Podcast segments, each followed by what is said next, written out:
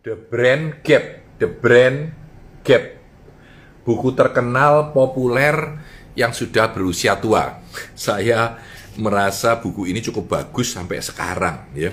Kata brand sendiri pada awalnya menurut beberapa orang adalah dari kata burn terbakar ya. Jadi kalau Anda tahu sapi-sapi itu, dulunya sapi-sapi itu kan seorang yang kaya raya punya sapi seribu, yang sana punya 500 sapi gitu ya, yang sana punya 300 sapi. Nah sapi itu sering salah jalan pulang ke rumah yang salah, karena itu belakangnya dibakar, B U R N T, burn dibakar ya dengan besi dengan tanda TS berarti ini sapinya Pak Tanadi gitu ya. Nah sehingga lama-lama kalau sapi saya masuk ke, ke tempat Anda, saya tahu itu sapi saya gitu. Jadi itulah keluar kata brand atau brand. Belakangan disebut brand. Untuk membedakan siapa punya sapi ini siapa punya sapi ini. Sehingga kalau ter, ter, ter, ter apa namanya terpindahkan kita tahu bahwa ini sapinya salah. Bahkan bahkan yang menarik adalah kalau nanti sapi itu dijual kalau lahan saya ini pembuat sapi itu bagus apa yang terjadi? Sapi saya bisa saya jual dengan harga yang lebih mahal ya. Kenapa? Karena ini pemeliharaannya bagus dan itu akan merupakan brand yang tersendiri. Nah Coca-Cola, Coca-Cola ini salah satu yang paling terkenal di dalam konsep branding karena harga brandnya tinggi banget, tinggi banget ya. Kenapa tinggi banget? Karena uh, Coca-Cola itu uh, kalau di barang lain, misalkan dengan Pepsi, walaupun enak Pepsi, orang mungkin lebih suka Coca-Cola ya. Jadi kekuatan brand itu luar biasa. Nah, salah satu kalimat yang paling terkenal dari buku ini adalah a brand is not what you say it is. Brand itu bukan seperti apa yang Anda katakan, tapi dia bilang it is what they say it is. Ini yang dikatakan oleh orang lain. Jadi kalau kamu bilang, "Oh, aku ini hebat, perusahaanku keren, eh, makananku enak" gitu ya. Orang tidak mesti percaya, tapi ketika orang lain yang bilang bahwa makananku enak ya, rotiku kriuk-kriuk dan murah dan uh, segala macam orang percaya. Nah, branding itu filosofinya adalah apa yang dikatakan orang lain tentang Anda. Wah, ini menarik menurut saya. Apa yang dikatakan orang lain tentang Anda. Dia bilang uh, brand itu bukan logo ya, bukan trademark. Brand itu bukan corporate identity ya. Brand itu bukan produk ya. Jadi a brand is a person's gut feeling about a product a service or a company ya. Brand itu adalah gut feeling dari orang tentang sebuah produk layanan dan service. It is a gut feeling because we are all emotional intuitive and intuitive being despite our best effort to be rasional. Jadi walaupun kita mau mengatakan kita itu rasional ternyata tidak. Dia bilang it is not what you say it is, it is what they say it is. Jadi ini ini kira-kira konsep dia menarik ya menurut saya menarik. Jadi elemen terkuncinya salah satu yang dia sebut adalah trust ya. Nah, ada empat eh, ada lima langkah, lima langkah ya. Yang pertama dia bilang differentiate, bedakan diri Anda yang kedua dia bilang collaborate, kolaborasi.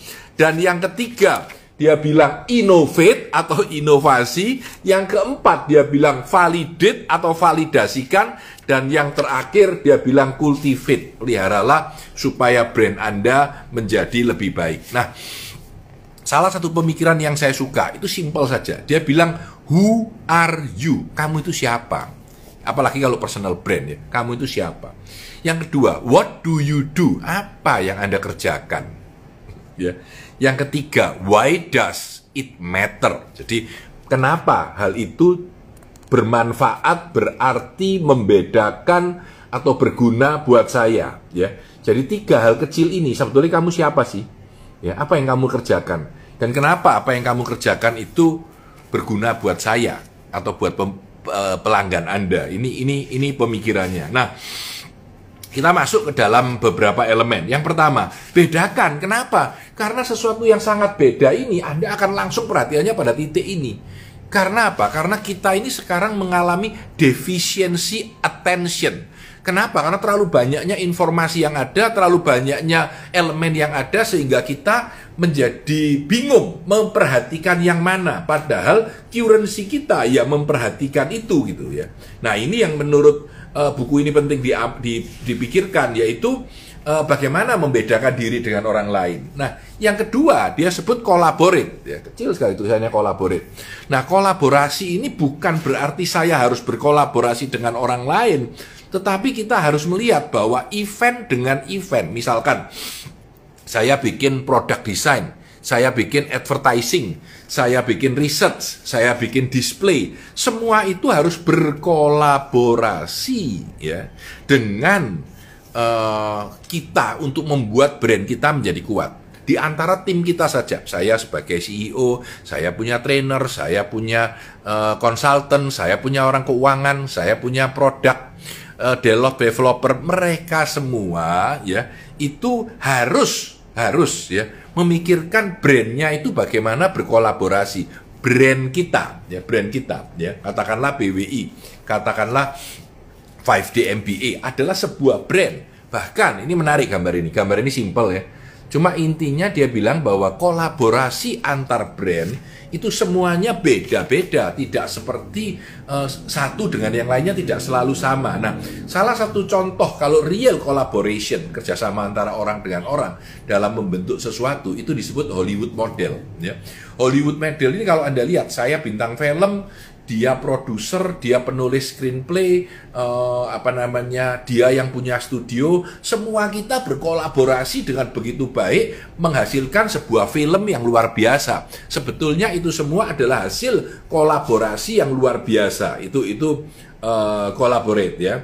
Nah ini ini lucu dia bilang satu plus satu sama dengan sebelas. Kolaborasi itu tidak selalu logical, tetapi sering-sering lebih om eh, apa namanya lebih emosional ya.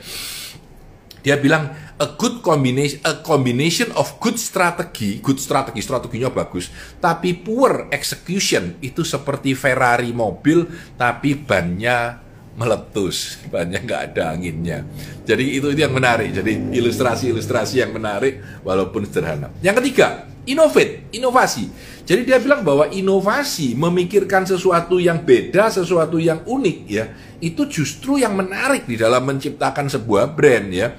Apa yang membuat orang e, mau membicarakan produk Anda? Inovasi apa? Mulai dari nama. Dia bahkan dia mengasih tips tentang memberi nama, baik itu nama perusahaan atau nama produk ya. Yang pertama, nama itu harus distinktif. Yang nomor dua, harus brevity, pendek. Yang ketiga, harus appropriate, cocok atau resonan dengan bisnis Anda. Yang keempat, easy spelling and pronunciation, mudah dibaca kayak Sony, kayak Canon, itu kan mudah dibaca. Yang kelima, likability, brand itu disukai orang karena mudah dibaca, master class gitu ya. Yang keenam, extendability bisa diperpanjang dengan produk lain sehingga brand itu nanti bisa dipakai untuk banyak elemen. Dan yang terakhir, protectability berarti bisa diciptakan sebuah brand. Nah ini dia bilang bahkan judul atau nama itu kunci banget di dalam kita menginovasi ya. Nah packaging, nah ini kebetulan uh, saya cerita sedikit ya bahwa yang namanya Marty Neumeyer, Marty Neumeyer ini adalah orang yang paling praktikal. Dari desain dia kebanyakan packaging ya. Salah satu uh, hasil dia itu adalah packaging terhadap ini Claris uh, beberapa saya tidak tahu ya yang yang saya tahu Claris ini Claris ini desain dia packagingnya. Lalu uh, ini Claris Draw ini Claris Draw ya. Jadi ini software untuk Apple pada saat itu ya. Jadi beberapa produk-produknya dia. Jadi hasil dia memang pelaku branding yang sangat terkenal ya. Tapi jagoannya dia dulu adalah packaging.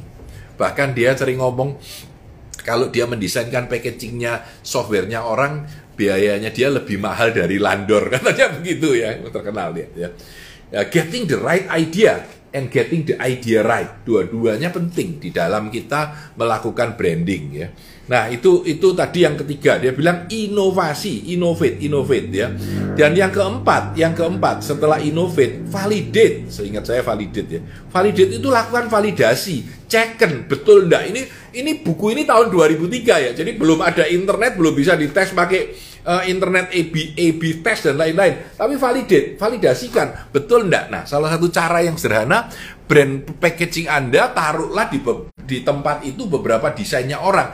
Mana yang dipilih oleh pelanggan? Nah, itu contohnya. Jadi validasikan benar nggak apa yang Anda anggap dianggap orang itu sudah benar dan cocok. Itu disebut validasi. Dan yang terakhir kelima, cultivate.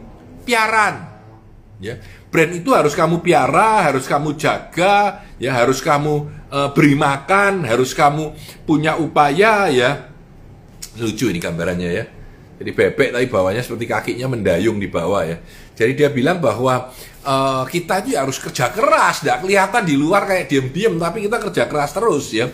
Brand itu harus kita piara dengan lebih baik. Dan dia bicara tentang brand Kompas, brand Kompas. Jadi artinya apakah apa yang saya lakukan, apakah yang dilakukan anak buah saya, apakah yang dilakukan oleh iklan saya, semuanya mengarah seperti kompas yang menunjukkan ke arah brand yang kita inginkan atau yang kita semua inginkan. Apakah ini telah mengarahkan kita untuk mencapai hasil yang paling maksimal di dalam brand yang kita inginkan itu? Nah, itu itu dia bilang bahwa kita harus mengkultivate, memelihara, memprotek brand kita ya dan menjaga supaya apa? Supaya viral up. Viral up itu maksudnya supaya brand kita makin lama makin besar, makin dikenal orang, makin besar, makin dikenal orang, makin dimaui oleh orang, makin menunjukkan siapa kita. Jadi brand itu uh, harus dijaga terus menerus ya.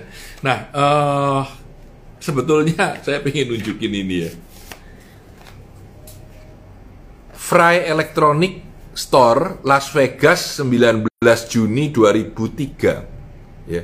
Jadi ini adalah buku yang saya beli di Fry Electronic. Saya tiba-tiba teringat Fry Electronic itu toko superstore yang gede semuanya jualannya adalah elektronik mulai dari handphone dulu bukan handphone ya komputer notebook PC kabel konektor hard disk uh, gede banget ya dan terakhir banyak yang tutup. Saya sedih di Amerika ya. Karena apa? Karena Fry ini sudah superstore tendensinya kan sudah hilang. Orang-orang semakin belinya online, semakin apa. Tapi dulu saya kalau ke Amerika uh, pasti mesti ke Fries ya. Fries ini walaupun jalannya setengah jam lebih 40 menit dari rumah, selalu saya minimal sekali kalau nggak dua kali, tiga jam mampir di sana lihat-lihat barang elektronik. Jualan mulai dari tape, kaset, apa, lampu, TV, semuanya superstore. FRY, Fries. Dan jual buku juga, jual buku juga. Jadi ini saya beli di Fries tapi di Las Vegas. Kebetulan saya ke Las Vegas waktu itu. Nah ini salah satu indahnya kalau kita mau mencoret-coret buku kita dan mengingat kembali waktu dilihat lagi, wah 2003 ya. Dan Marty Neomeyer ini sudah membuat cukup banyak buku ya. Uh, mungkin lain kali saya review lagi satu satu bukunya dia yang saya suka ya. Teman-teman sekalian, pada masa yang sangat uh, online ini, pada masa pandemi ini, pada masa di mana kita lebih mementingkan lagi brand kita, brand kita ya seperti apa yang dikatakan orang itu adalah brand Anda. Marilah kita memikirkan dengan lebih jernih bagaimana konten dari sosial media kita, bagaimana conversation yang kita ciptakan, bagaimana desain dari seminar yang kita buat itu bisa mempengaruhi orang untuk memperkuat brand kita baik personal brand saya Tanah di Santoso ataupun brand misalkan Business Wisdom Institute sebagai training provider ya. Semoga uh, pagi ini saya kebetulan di kantor, ini di kantor, ini meja kerja saya sebenarnya ya. Jadi uh, uh, walaupun saya lebih banyak di meja meeting, tapi ini meja kerja saya di kantor saya pada pagi ini hari Senin. Happy Monday to everyone. Selamat bekerja. Saya Tanah di Santoso. Sukses selalu untuk Anda.